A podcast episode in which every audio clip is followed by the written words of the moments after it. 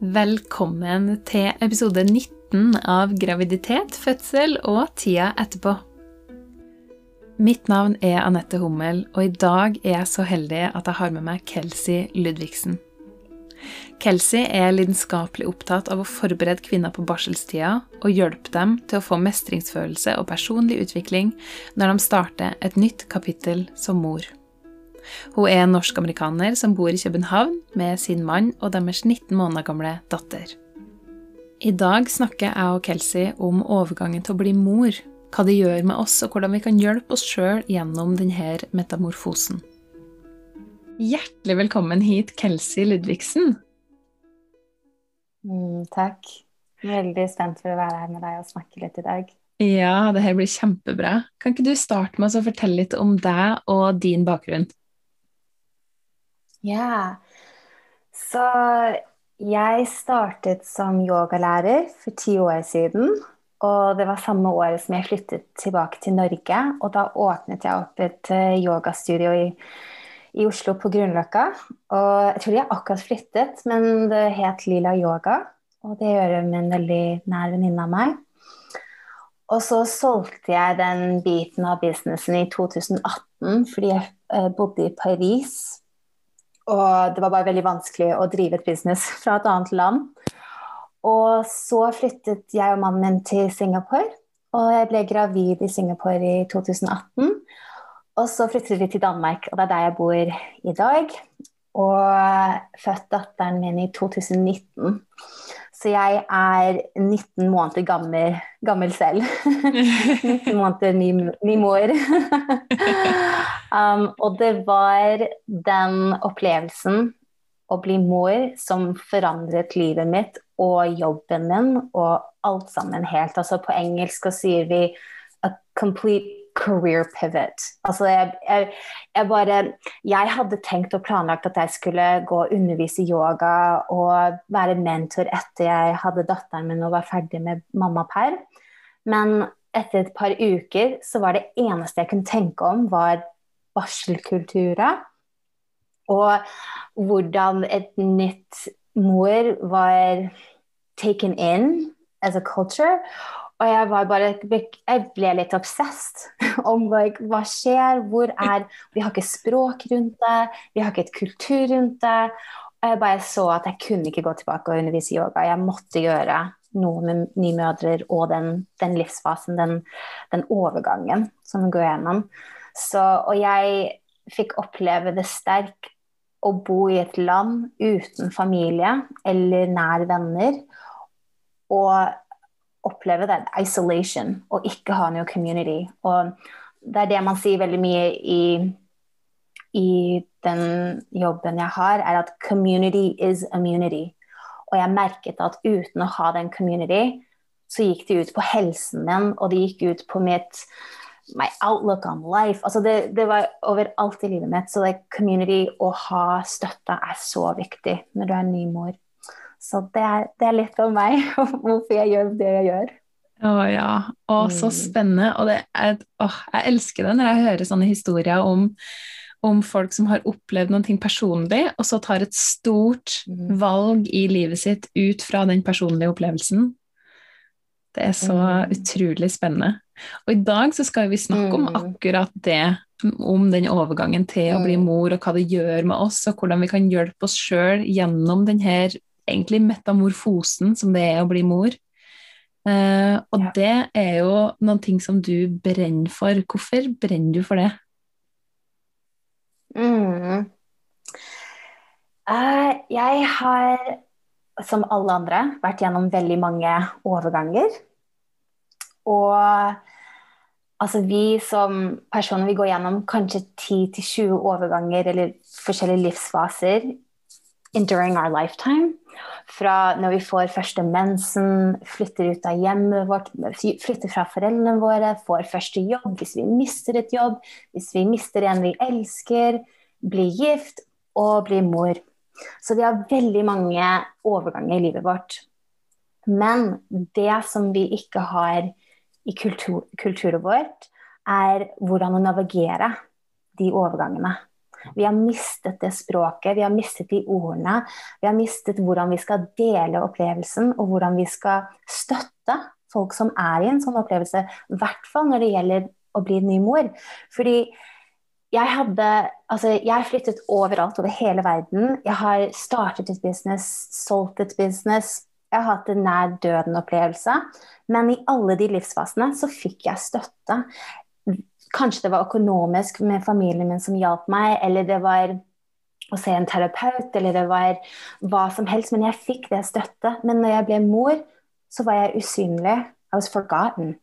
Og det var ingen som visste hvordan å gi meg følelsesmessig støtte. Og jeg ble ikke validert i opplevelsen min.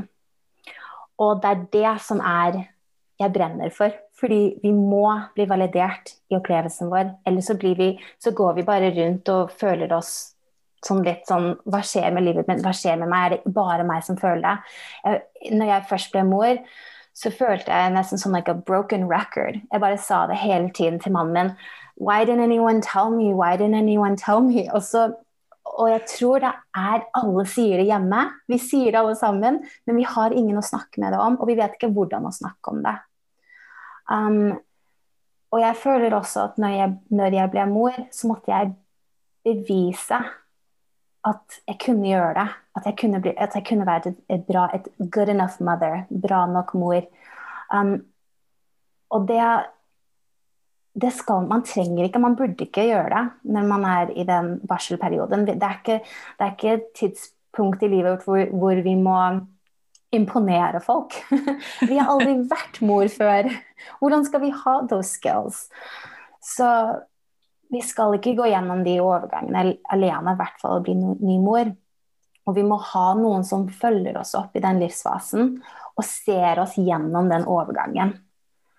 Um, så det er, det er, bare det som jeg syns er bare så viktig, for jeg føler at det er så mange nye mødre som har bare blitt kind of dropped at the curb, som vi sier på engelsk. Bare, bare sånn OK, nå har du født barnet ditt, nå skal du hjem, og så skal du bare leve livet ditt. Og det er bare sånn But how? I don't have the skills. Mm. Mm. Ja, det, mm. det, det, er så viktig det du, det du snakker om nå. også. Og jeg tror det er altså, jeg hører så mange som, som har liksom gått med tanker i barselsperioden og tenkt er jeg gal? Og heller på å bli mm. sprø? Fordi er det, er det, bare jeg som har det sånn? Jeg føler ikke at jeg får det til. Alle andre får det til, men jeg får det ikke til. Og så er det jo egentlig ikke sånn. Mm. Nei. Og så er det egentlig helt normalt. Mm. Å ha de tankene og føle seg litt gal. det det som er så morsomt. Er at det er, det, det er, sånn Yes, success! You're supposed to feel that way. Du skal egentlig føle deg litt sånn an unraveling. Mm. Du skal egentlig føle deg litt kaotisk og litt ustabil og litt gal. Det er helt normalt, men det er en kultur at hvis man føler litt off eller litt gal, så er det kanskje postpartum depression eller you know, postpartum psych... Altså, det er veldig mye like, fear around hvis man føler ikke helt riktig. Men det er egentlig en del av overgangen. At man skal ikke føle seg helt stabil. Mm. Og det er ok, men vi har ikke vi har ikke, som jeg sa, det språket eller det kulturet rundt oss for å si Congratulations, you're feeling crazy. You're step one, tick. You know? Det er sånn du, du, er på riktig You're on the right path. Mm. Ja. Så, ja. Mm. Det burde det vært. Det bør være altså Ikke bare med å bli ny mor, men at det, at det kan feires litt og, og, føle seg litt annerledes. Og føle litt mm. nye ting og, og prøv, prøv ting du ikke har gjort før. Og vær litt, vær litt eh, mm. uh, At man ikke lykkes hele tida. At man eh, mm. står litt i det å ikke få det ja. til. Ja, ja. Og å få plass, eller å få space to, to fail. Man mm. skal egentlig ha veldig mange Det er sånn man bygger um, som vi sier på engelsk, self-efficacy or self-mastery. Vi har aldri vært mor før, og vi bor i disse leilighetene uten andre familier, så vi ser ikke andre mødre som også feiler. vi mm. tenker bare det er oss. Men for 100-200 år siden så bodde jo familie sammen, og når du vokste opp, så så du at moren din ammet, og så så du at tanten din ammet, og så så du at søsteren din som var eldre og hadde fått barn, was failing. Men nå bor vi in these isolated homes, so we're not witnessing people failing and mothers feeling, Fordi det, det er en del av prosessen. Ja, absolutt. Mm. Absolutt. Jeg liker hvor, hvor, hvor sånn smooth du går fra norsk til engelsk og tilbake til norsk. Og Og, og, du er ikke den eneste som alle sier det til meg. Alle er sånn Wow, det er sånn very natural. Men er, sånn har jeg snakket siden jeg var fem år gammel. Det var bare sånn, det var bare innebygget, fordi det var engelsk og norsk hjemme. Mm. Um, så jeg er veldig Og det ser jeg nå med datteren min også. Hun er veldig flink til altså Hun er bare 19 måneder, men hvis jeg snakker til henne, så sier hun no. Men hvis mannen min sier noe til henne, så plutselig bytter hun over til norsk, like, og så sier hun ja. ja. Nei. Hun sier ja, nei til han, and yes, no to me. Ja. Så det er veldig imponerende. Og hun er, hun er, ganske ung, og hun forstår hvilken hva hun skal snakke med, med begge. Så Ja. jeg tror hun blir litt av meg. og kanskje hun kommer sikkert til å ha litt dansk også nå, stakkars. Ja. kommer hun få skikkelig blanding. Men det, det er jo Mm. superflott da, å starte med flere språk når man er så ung. Det er jo en gave. Ja, det er det. Mm. Ja, det er det. Det er det. Mm. Jeg kom nylig over et begrep um, i Jeg husker ikke hvor jeg så det første gang, men når jeg først så det, så begynte jeg å se det overalt. Og jeg så det på Mm. Instagram, og jeg kom over en TED-talk, og det kom på Facebook, og folk snakka om det.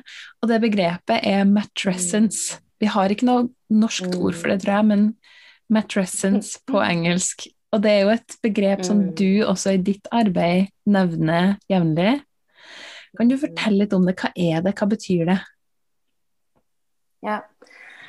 Og jeg elsker det begrepet også. Um, og samme som deg, etter jeg så den TED-talken, jeg tror det var, jeg tror vi så samme Alexandra Sachs. Ja. Hun har skrevet um, en bok, uh, og den husker jeg ikke akkurat nå, men jeg kan i hvert fall si at hun snakker ikke så mye om matrescence i boken. Jeg var litt skuffet, men det var fortsatt en veldig bra bok.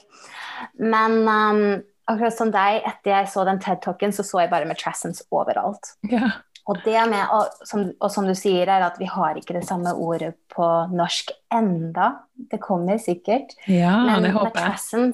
på engelsk ja, Matressens på engelsk er litt som adolescence. Og adolescence på norsk er pubertert. Og før 1904 så var pubertet sett som et fase hvor barn bare gikk litt gal. Og det var bare sånn OK, for et par år så skal de barn som blir young adults, ungdommer, de kommer til å ha bare et par år hvor they're just kind of crazy. Og etter 1904 så kom de på begrepet adolescence. Og i dag så er det tusenvis av bøker, tusenvis av artikler, um, psykologer som støtter den fasen for ungdommer. Sånn at de har et sted hvor de føler trygg, hvor de føler at de er støttet gjennom fasen, og de får verktøy og tools to help them through that phase. For det er jo en fase hvor de begynner å kroppen forandre seg. De er ikke helt sikre på liker de den delen av kroppen sin, hva skjer. Hormonene overalt. Hjernen forandrer seg.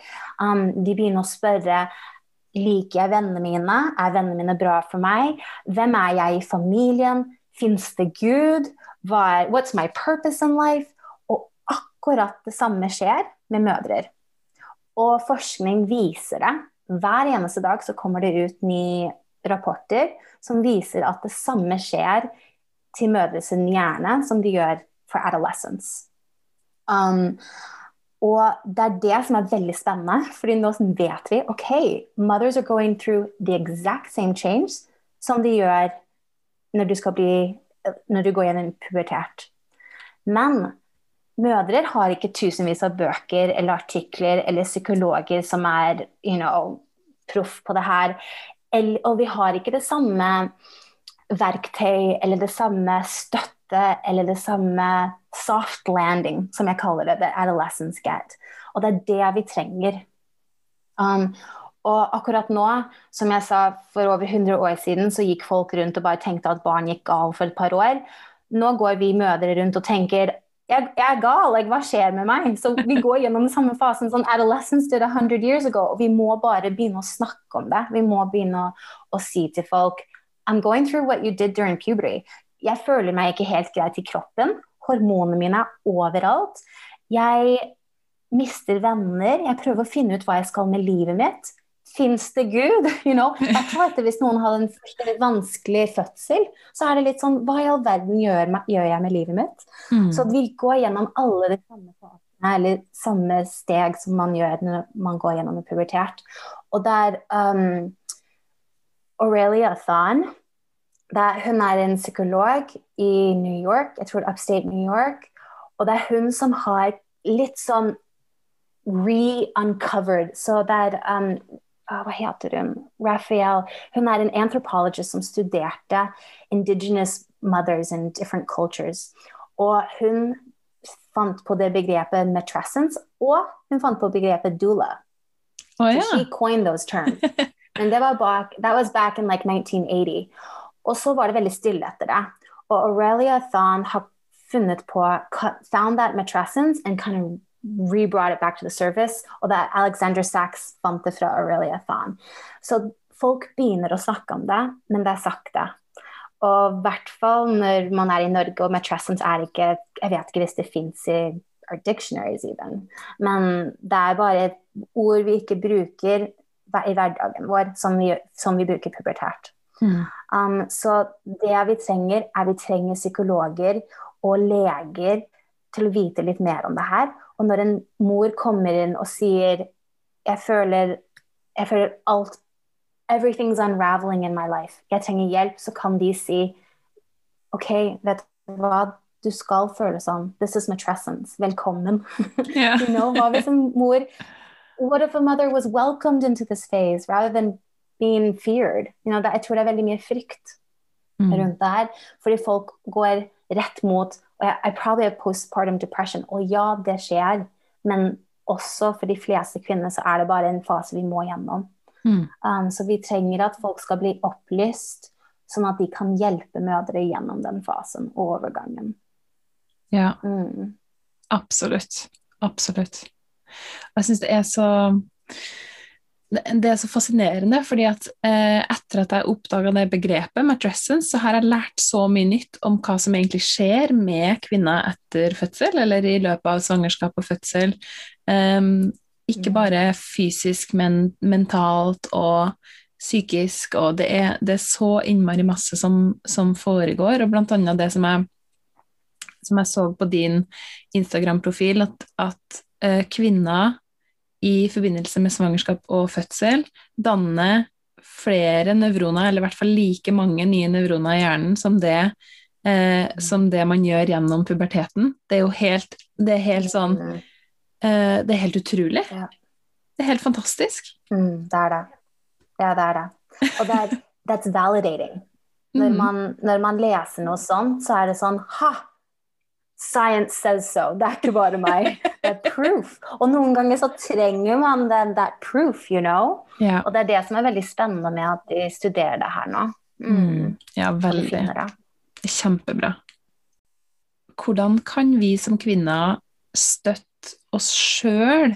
For vi kan jo egentlig ikke tvinge noen andre til å støtte oss, men hvordan kan vi støtte oss sjøl og sørge for at vi blir støtta gjennom den metamorfosen det er å bli mor?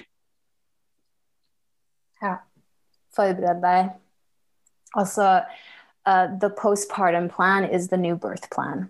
Vi går inn, altså det er veldig mange, jeg tror det er veldig mange nå i Norge som går inn med litt sånn fødselspreferences. Og jeg tror vi trenger det samme med barsel og postpartum. Mm. Um, snakk om det. Uh, bli litt kjent med de overgangene du har vært gjennom allerede. Så hvis du har hatt en vanskelig overgang, kanskje det var du mistet jobben din, eller det var veldig vanskelig å miste en kjæreste altså, du, du, ble slått opp med kjæresten eller whatever, hva som helst. Bli litt curious om hva var det jeg gjorde i den overgangen til å hjelpe meg. Kan jeg bruke de samme mestringsstrategier for å hjelpe meg i den fasen jeg skal nå til å bli mor. Um, så jeg tror det er veldig viktig å se litt bak på hva man har gjort på de andre harde overgangene. Og når jeg sier at du skal forberede deg, så snakker jeg veldig mye om å involvere de riktige personene. Ikke bare invitert hvem som helst inn til livet ditt de første seks ukene etter du har fått barn. Um, Oscar, etternavnet hans er så vanskelig, men han skrev 'The Postnatal Depletion'. Mm. Oscar Sal Jeg skal ikke si det engang, for that won't do him justice. Men han sa, han sier det helt perfekt, No visitors the first six weeks, only staff. Og staff kan være litt sånn vanskelig ord, eller hardt ord for folk å kanskje svelge, men det jeg synes som er så fantastisk om det, er at alle som kommer hjem til deg de første seks ukene, skal enten ta med mat, enten vaske litt klær til deg, eller gjøre opp altså your dishes, eller gjøre litt sånn støvsuging i huset ditt. Og etter de seks også, Og det jeg sier til mine klienter, er at ok, hvis det er noe i livet ditt som sier vet du hva, jeg vil ikke komme og lage mat til deg eller handle til deg, så sier du til dem vet du hva, da er du velkommen hjem til meg etter seks uker. Fordi da kan jeg ta imot gjester. Men før det så er det ingen gjester hjemme hos meg. Og det syns jeg er så viktig for mødre å gjøre. Fordi ellers så kommer du til å komme Du kommer til å ha gjester, hos mor, og det er veldig norsk å ha kake og kaffe. Ja. Og det skal man ikke gjøre de første seks ukene. Helst at noen tar med kake, fine, whatever, men du skal ikke lage kaffe til gjestene dine. Det kan du gjøre etter seks uker.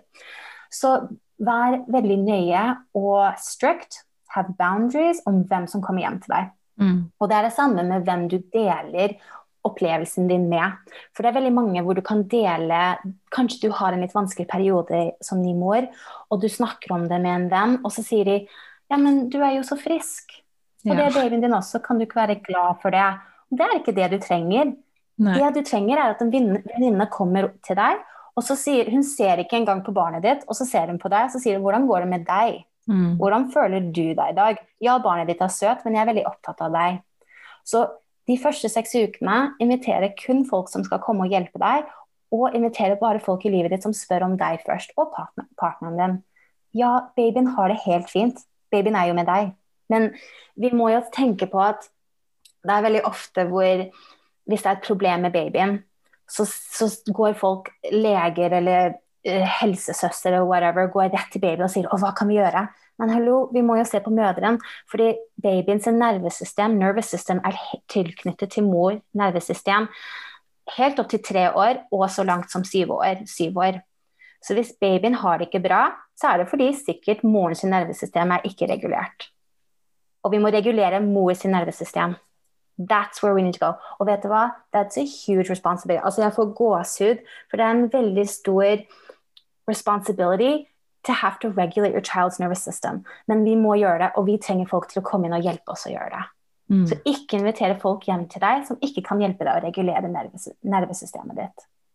Og du må gjøre alt det her. Du må tenke på sånn Jeg snakker om plan your recovery. Hvem er det som skal støtte deg? Har du en bekkenbunn fysioterapeut? Har du en osteopat som du kan sjekke inn med? Fordi det verste du vil gjøre, er at du og mannen din sitter i sengen klokken to på natten og googler en ammekonsulent. You should mm. have that resource already. Forbered deg før baby kommer. Snakk med venninnene dine. Hvem brukte du, hvem brukte du? For du vil ikke gjøre det midt på natten. Mm. Og være i en helt krisefase. Og det var det var en av tingene mannen min sa som var helt fantastisk. var at Jeg var to uker i barselen min, og jeg sa Joakim, jeg må se en bekkenbunn fysioterapeut. Og jeg hadde en liste på kjøleskap med alle sånne forskjellige resources. Og han kunne bare gå til listen.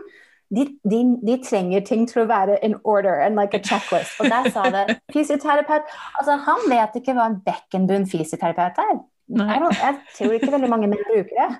Så alt var, Han sa bekkenbunn, fysioterapeut. Ringte henne. Jeg fikk en time den dagen. Mm. Fordi du har ikke kapasitet til å sitte og google selv. Så hvis du har ikke kapasitet til det, capacity for it, så må mannen din gjøre det. And can you imagine him online trying to find a pelvic floor physical therapist? Ikke gi den oppgaven til han, bare ha den listen allerede. Ja. Og det snakker mannen min om hele tiden når han har venner som kona skal få barn, så sier han ha henne lage deg en liste, mm. for da har du den listen. Så forbered deg før baby kommer. Akkurat som du forbereder for fødsel før du skal føde. Så ja, det er det som er veldig, veldig viktig. At vi, at, um, vi, vi har den sånn that resource list. Mm. Og en annen ting som jeg kan si for å støtte deg selv og hjelpe deg, er forstå hva hormonene dine gjør etter du har født barnet ditt.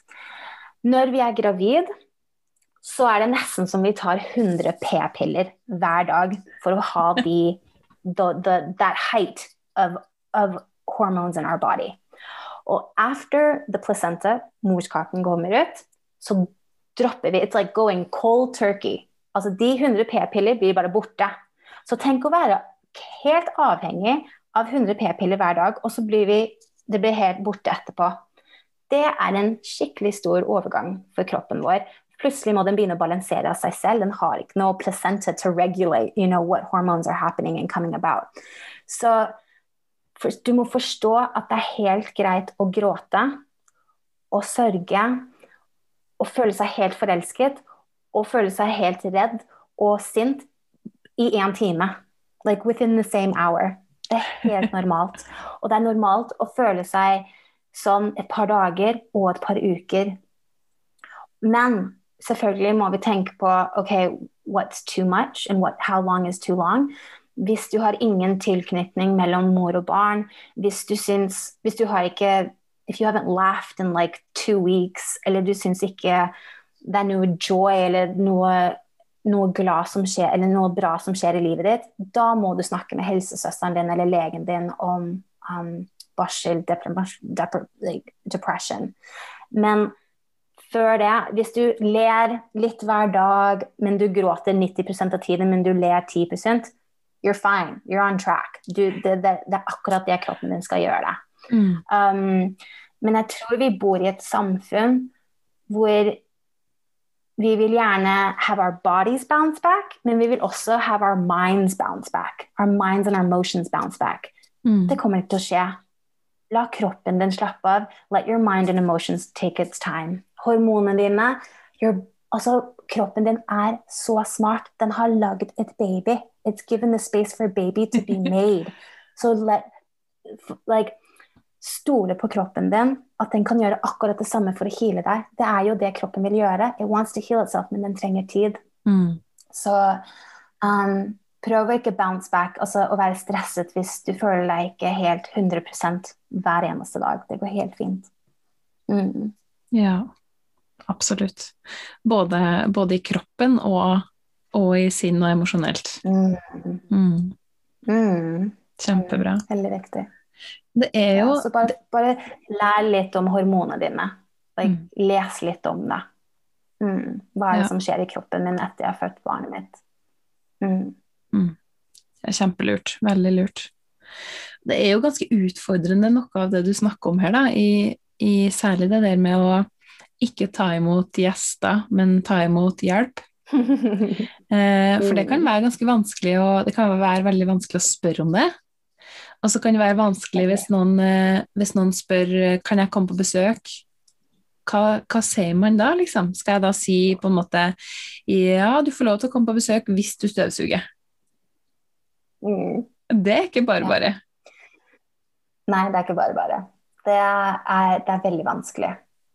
Um, og det var vanskelig for meg også å si til familien min Um, fordi det er litt av um, Litt sånn Men det er du som har valgt å få barn, da må du kan skjerpe deg litt.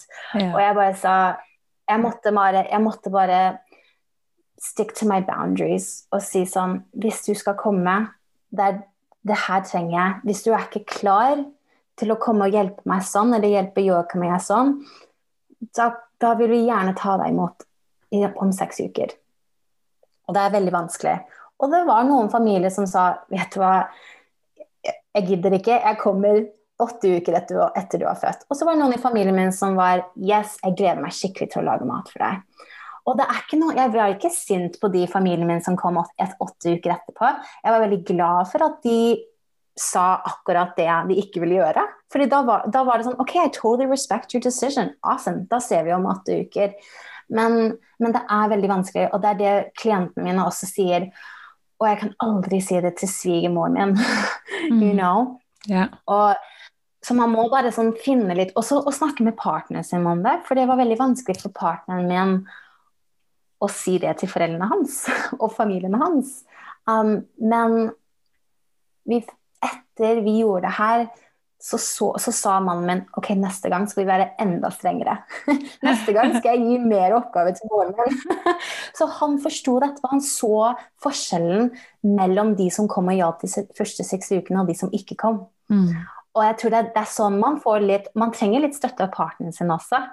Så you kind of wanna like, se hva det kan bli. For da kommer de til å støtte deg og få den hjelpen også. Men det, det er veldig vanskelig. Så jeg tror egentlig um, uh, Så det jeg gjør nå for svigersøsteren min, hun skal få barn i april. Og da har jeg lagd en slags Jeg vet ikke hva man sier på norsk, men meal train. På engelsk det er en nettside. It's like www.mealtrain.com. Og så har jeg sagt, lagt inni den meal trainen dager hun trenger litt hjelp med at noen skal komme og rydde opp og vaske litt i huset. Og de dagene hun trenger hjelp med datteren sin. Hun er tre år gammel. Og der kan folk Da ser du. Og så har jeg sagt de første seks, ukene this is what she needs. Og så har jeg lagt inn middager hver dag i seks uker. De dagene hun trenger hjelp med datteren, og de dagene hun trenger hjelp med å vaske huset. Og så sa jeg det er det eneste hun trenger de første seks ukene. Hvis du ikke kan tilby eller add anything of value to those six weeks, da vil hun gjerne ta deg imot etterpå. Og det har vært litt fint for henne, fordi hun trenger ikke å ha det conversation. Jeg er litt den sånn mellompersonen. Ja. Så jeg sender det her til alle i familien våre mm. og alle vennene hennes, sånn at de vet OK, this is what she wants. Jeg kan ikke gjøre det her de første seks ukene. Da, da ser jeg henne etterpå. Så det har vært en litt sånn like that middle person. Veldig lurt. Så jeg har, kan, jeg har, gått inn og gjort de, den vanskelige tingen som hun ikke ville gjøre. ja, og det kan man jo kanskje gjøre, da. Man kan jo kanskje huke tak i noen som man stoler på, som, som man er nær, til å ta den oppgaven ja. for deg, sånn at du slipper. Ja. ja. Mm. Jeg kaller det um, the friend of honor. Når jeg skulle gifte meg, så hadde jeg søsteren min som uh, maid of honor. Jeg tror det er, jeg vet ikke hva man kaller det på norsk. Er det forlover. Mm. Og det var helt fantastisk, for hun gjorde alle de tingene jeg ville ikke spørre folk om. Og hun, også hun også lag, she, she got my bachelorette party. Hun gjorde alle de tingene jeg var ikke spent på. Mm. Og så tenkte jeg, hvorfor har vi ikke en forlover til når vi skal bli mor? Hvorfor har vi ikke en person som lager en sånn celebration party for oss når vi skal bli ny mor? Hvorfor har vi ikke noen som skal gå inn og gjøre alle de tingene vi er litt sånn uh, Jeg føler meg ikke helt komfortabel med å si det her til svigermoren min. Mm. Men venninnen min kan my, my, friend of honor can do it. Så det er det jeg gjør for meg søster, for min svigersøster. Jeg har bare sagt Can I be your friend of honor and, do, and have the icky hard conversations for you? Yeah. And set your boundaries. Og da, så er det, Hun har jo sagt hva hun trenger, og så gjør jeg det. Så det er det jeg prøver å si til klientene mine. Få deg en forlover til barselen din. Fantastisk. Så hun kan gjøre de tingene det, ja, og vet du hva? Det er jo en helt It's an honor to bli forlover når du skal gifte deg. Hvorfor mm. er det ikke en honor å bli en forlover til når du skal bli en ny mor? Altså, yeah. It should be like wow, yes, jeg gleder meg skikkelig til å ta take on this project. ja. Og det var kjempelurt. Mm. Det var kjempelurt. Jeg kjenner at jeg blir helt sånn, Det kribler helt i meg. Jeg har helt sånn lyst til å på en måte få det ut. da, Få det til å bli en greie. At ja, folk har en forlover når de skal få barn. Ja, og det er det jeg prøver, så jeg håper denne podkasten inspirerer folk. Ja. Fordi jeg snakker om det hele tiden, men jeg tror ikke folk forstår det helt. Men, men, men jeg syns det er bare så viktig å ha den personen. For jeg tror også den, den forloveren din til, til, til, New Motherhood er også den personen som kan validere, validate the experience you're going through. Som kan se deg, og som, som støtter deg gjennom den fasen. For du kommer til å ha vanskelige dager, og du trenger den personen. Jeg, jeg, jeg sier til klientene mine Build your inner council or your, your um, like board of directors for motherhood. Who's on your board of directors? Hvem er det du spør for hjelp? Hvem er det du ringer når du har en skikkelig vanskelig dag? Hvem er det du ringer når du when you successfully change a blowout diaper? That's yeah. Who are your people you call? Det er så viktig å ha det. Mm. Mm. Ja, veldig. Kjempeviktig. Og det kan også egentlig godt være en liste som henger på kjøleskapet. Yep. Yep. Mm. Og det kan være fint, fordi da, hvis du har en sånn skikkelig vanskelig dag, og du ser det nesten ikke selv, eller det er litt vanskelig for deg å komme over det, så kan partneren din se på den listen, og så kan Mm. han si Hei, skal vi kanskje ringe søsteren din? Jeg vil gjerne si hei til henne. Og så er det egentlig gir han telefonen til deg. Fordi jeg hadde min liste, jeg kaller den my oxytocin list. Ja. Man trenger oxytocin for å få the milk let down, at melken skal komme. Og noen ganger så trenger man litt sånn oxytocin boost outside of our own hormonal production. Så da hadde jeg med en oxytocin list på kjøleskapet. Og da hvis jeg hadde en sånn, hvis mannen min kom hjem fra jobb og jeg var litt sånn med-med, så kunne han si hei, skal vi ha en liten sjokoladebit, og kanskje du tar en liten pause og tar en dusj? Og så kan jeg ta babyen. Og det var et sånn two little oxytocin boosts for me. Men det var veldig fint for han å ha den listen også, for da kunne han hjelpe meg ut av de. Noen ganger så er det bare sånn, du er bare lei av å ha vanskelige dager, så du Mm. trenger noen andre til å hånden, ta hånden din og hjelpe deg ut. Yeah. So like, give our partners that opportunity to help us. Fordi ja, vi ønsker at de, they could read our minds, but they can't. De må, noen ganger må partene våre ha en liste. Ja, absolutt. Mm. Absolutt. Ja. Det, er så, det er så veldig eh, lurt også, altså både i forbindelse med fødsel, men, men barsel kanskje enda viktigere, at man, at man, som du sier, gir partneren det beste utgangspunktet for å være, for å være den partneren som du trenger. Eh, Ja. og, Ja. Og vi kan være litt sånn at vi, at vi føler at ja, men han bør skjønne det, og han bør vite hva jeg Mhm. trenger, og vi har vært sammen i tolv år, og han bør kjenne meg såpass godt. Men det er ikke at, altså, Det fungerer faktisk ikke sånn, altså. Fordi man er i en helt ny situasjon. Ja. Det er noe med å sette ord på egne behov. Ja, og så vet man ikke sånn De sier at kvinner glemmer 70% av fødselen, men partneren din glemmer ikke noe av det. Og jeg føler også at kvinner kanskje glemmer 70% av barselen, the postpartum, men your partner doesn't. Og det er litt å, å si sånn Ok, hvordan er det vi kan støtte de og hjelpe de også?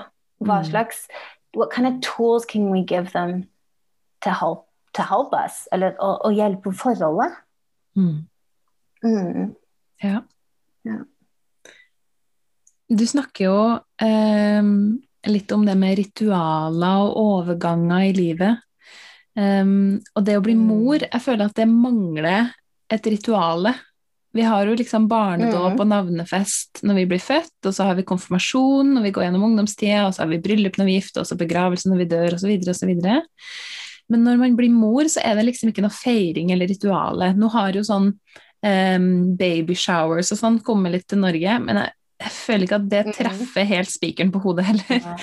Eh, men burde vi ha hatt et sånt rituale, og hvordan skulle det i så fall ha sett ut? Ja, det trenger vi. Og jeg skal bare si det, hvis menn If men were giving birth, there would be rituals.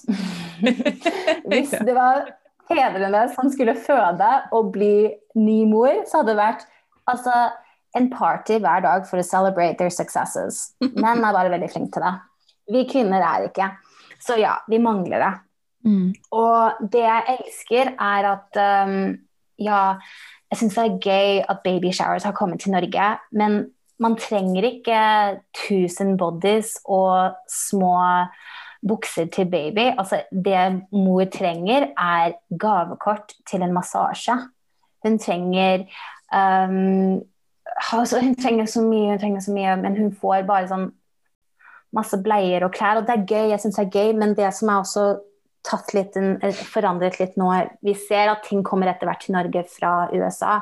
But mother blessings Og det er noe som skjer før hun skal føde. Så det er en litt sånn a ritual of like moving from maiden to mother. Og det syns jeg er helt fantastisk. Mm. Men det vi trenger også, en stor, stor, stor del av å komme gjennom den livsfasen, komme gjennom den perioden av postpartum, er å bli witnessed on the other side of birth, on the other side of motherhood.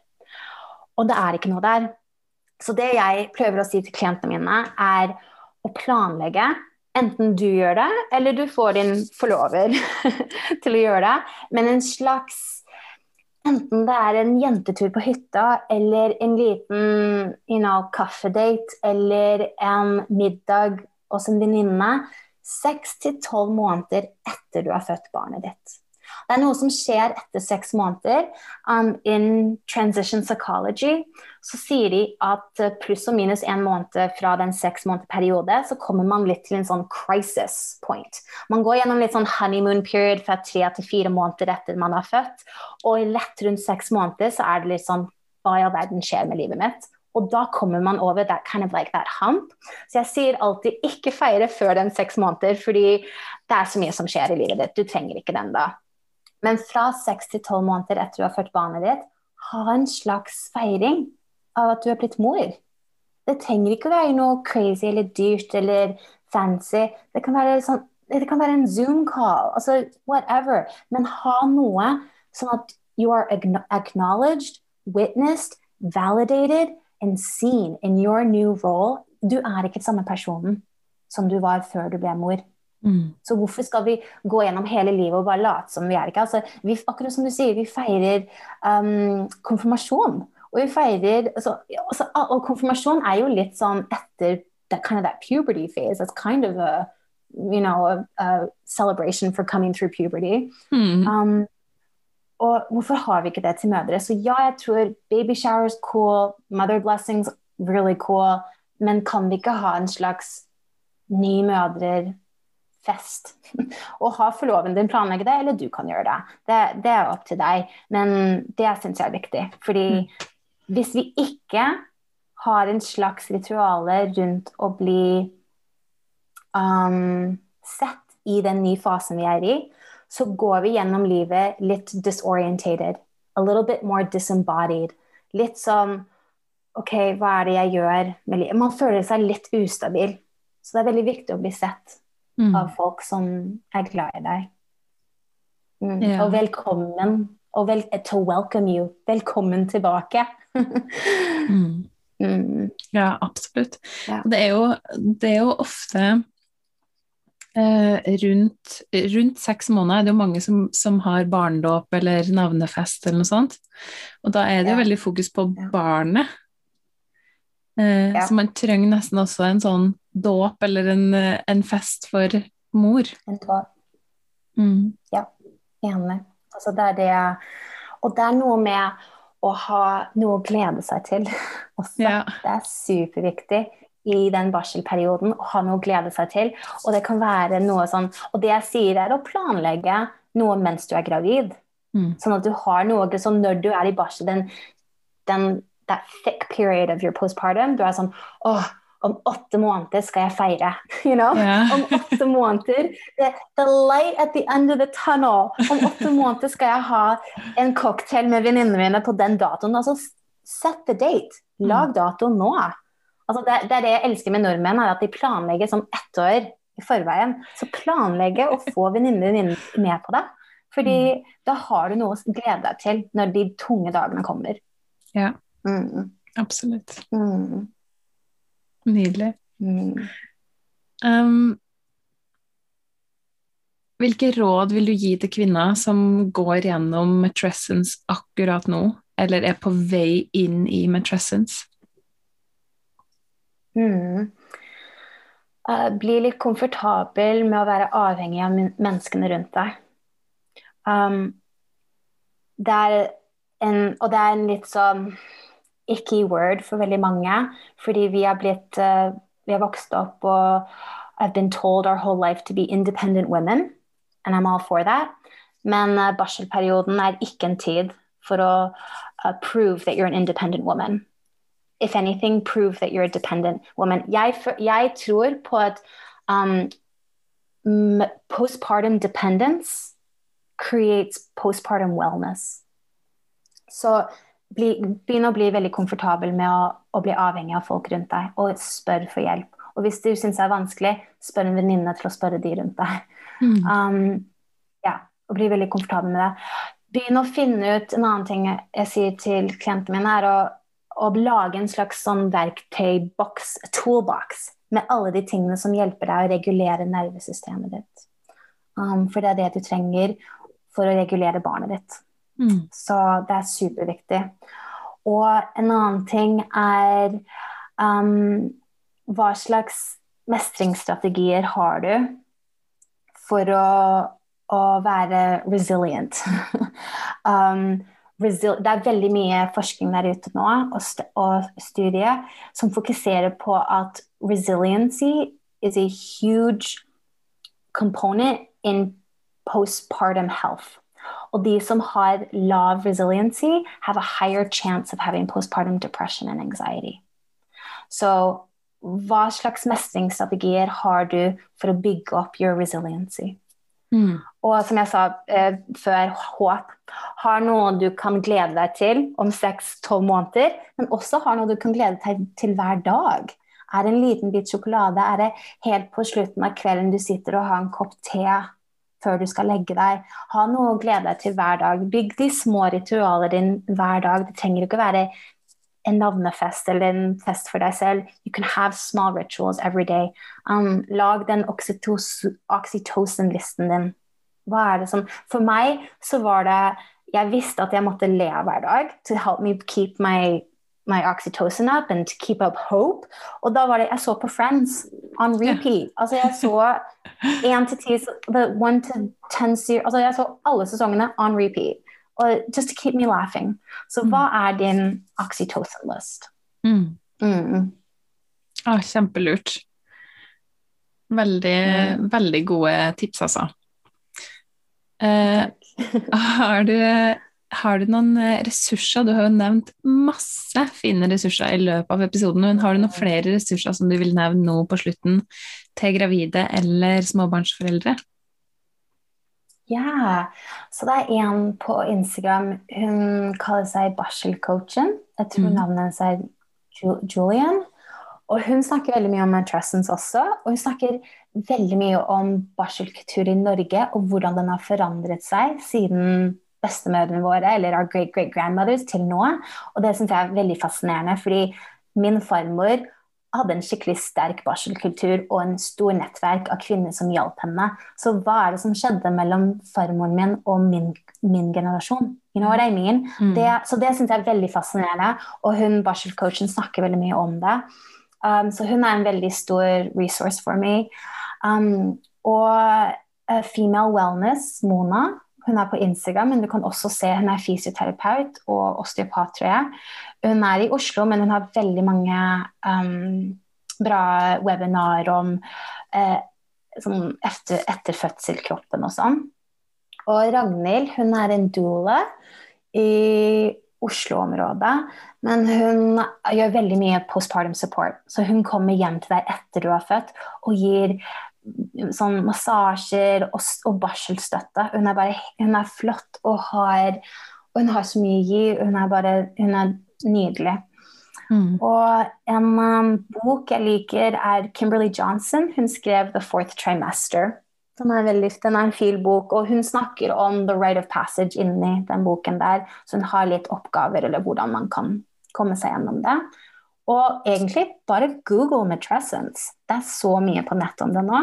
Um, og se på den TED-talken som vi, vi har begge to sett også. Mm. Absolutt. Ja, gjør det. Eh, og det er eh, Ragnhild Doland som du snakker om, hun kaller seg for Imagine Dola, ikke sant? På Imagine, ja, Imagine Birthworks. Jeg tror, ja, ja, Imagine mm. Birth, Birthworks, Ja. er det kanskje? Ja, jeg skal linke til det uansett Ja. under episoden. Ja, gjør det. Ja. Mm. eh, og hvor kan folk finne deg på det store internettet? Ja, vet du hva jeg er mest på Instagram, og der er jeg bare Kelsey Ludvigsen. Um, også sammen på nettsiden min, kelseyludvigsen.com. Og der uh, Jeg poster mest på Instagram. Alt på Instagram. Um, og så har jeg litt webinarer her og der, og litt kurs og sånn, så kan du finne på nettsiden om hva, hva jeg holder på med. Mm. Kjempefint. Supert. Eh, er det noe du har lyst til å dele avslutningsvis før vi gir oss i dag? Mm. Jeg tror bare Jeg håper at de som hører på, på podkasten, at de forstår hvor viktig det er å forberede seg. At, um, at det, er, det, er, viktig for vår mental helse. Det er viktig De, de sier at um, postpartum rest creates postmenopausal ease. Så vi gjør ikke det her bare for å legge det ut på Instagram at 'å, jeg slapper av'. Vi gjør det for her når vi skal bli 60 år. Jeg vil også være veldig frisk og rask når jeg er 60 år. Men vi er ikke friske og raske når vi er 60 år hvis vi ikke gir den tiden nå. Mm. In our reproductive years after birth. Så når jeg Physical recovery, alt det der er viktig, men man trenger Hvis man skal, ha, hvis man skal få lov til å recuperate and recover, så trenger vi den støtten. Og for å få den støtten, så må vi forberede oss. Vi må ha de vanskelige samtalene med de, med de i livet vårt, i familiene våre.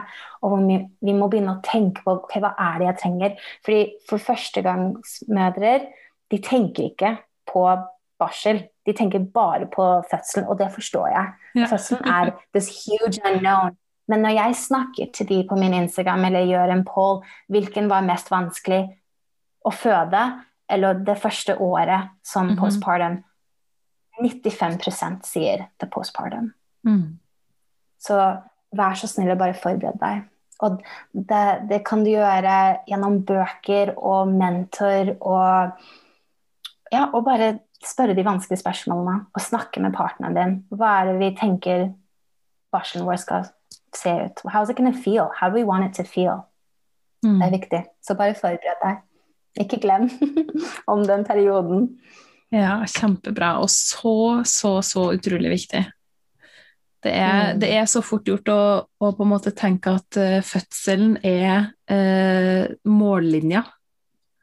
Ja. Uh, at man er på en måte ferdig da, så man forbereder seg til det. Man leser masse om svangerskap og fødsel, og, og, så er det jo egentlig bare starten.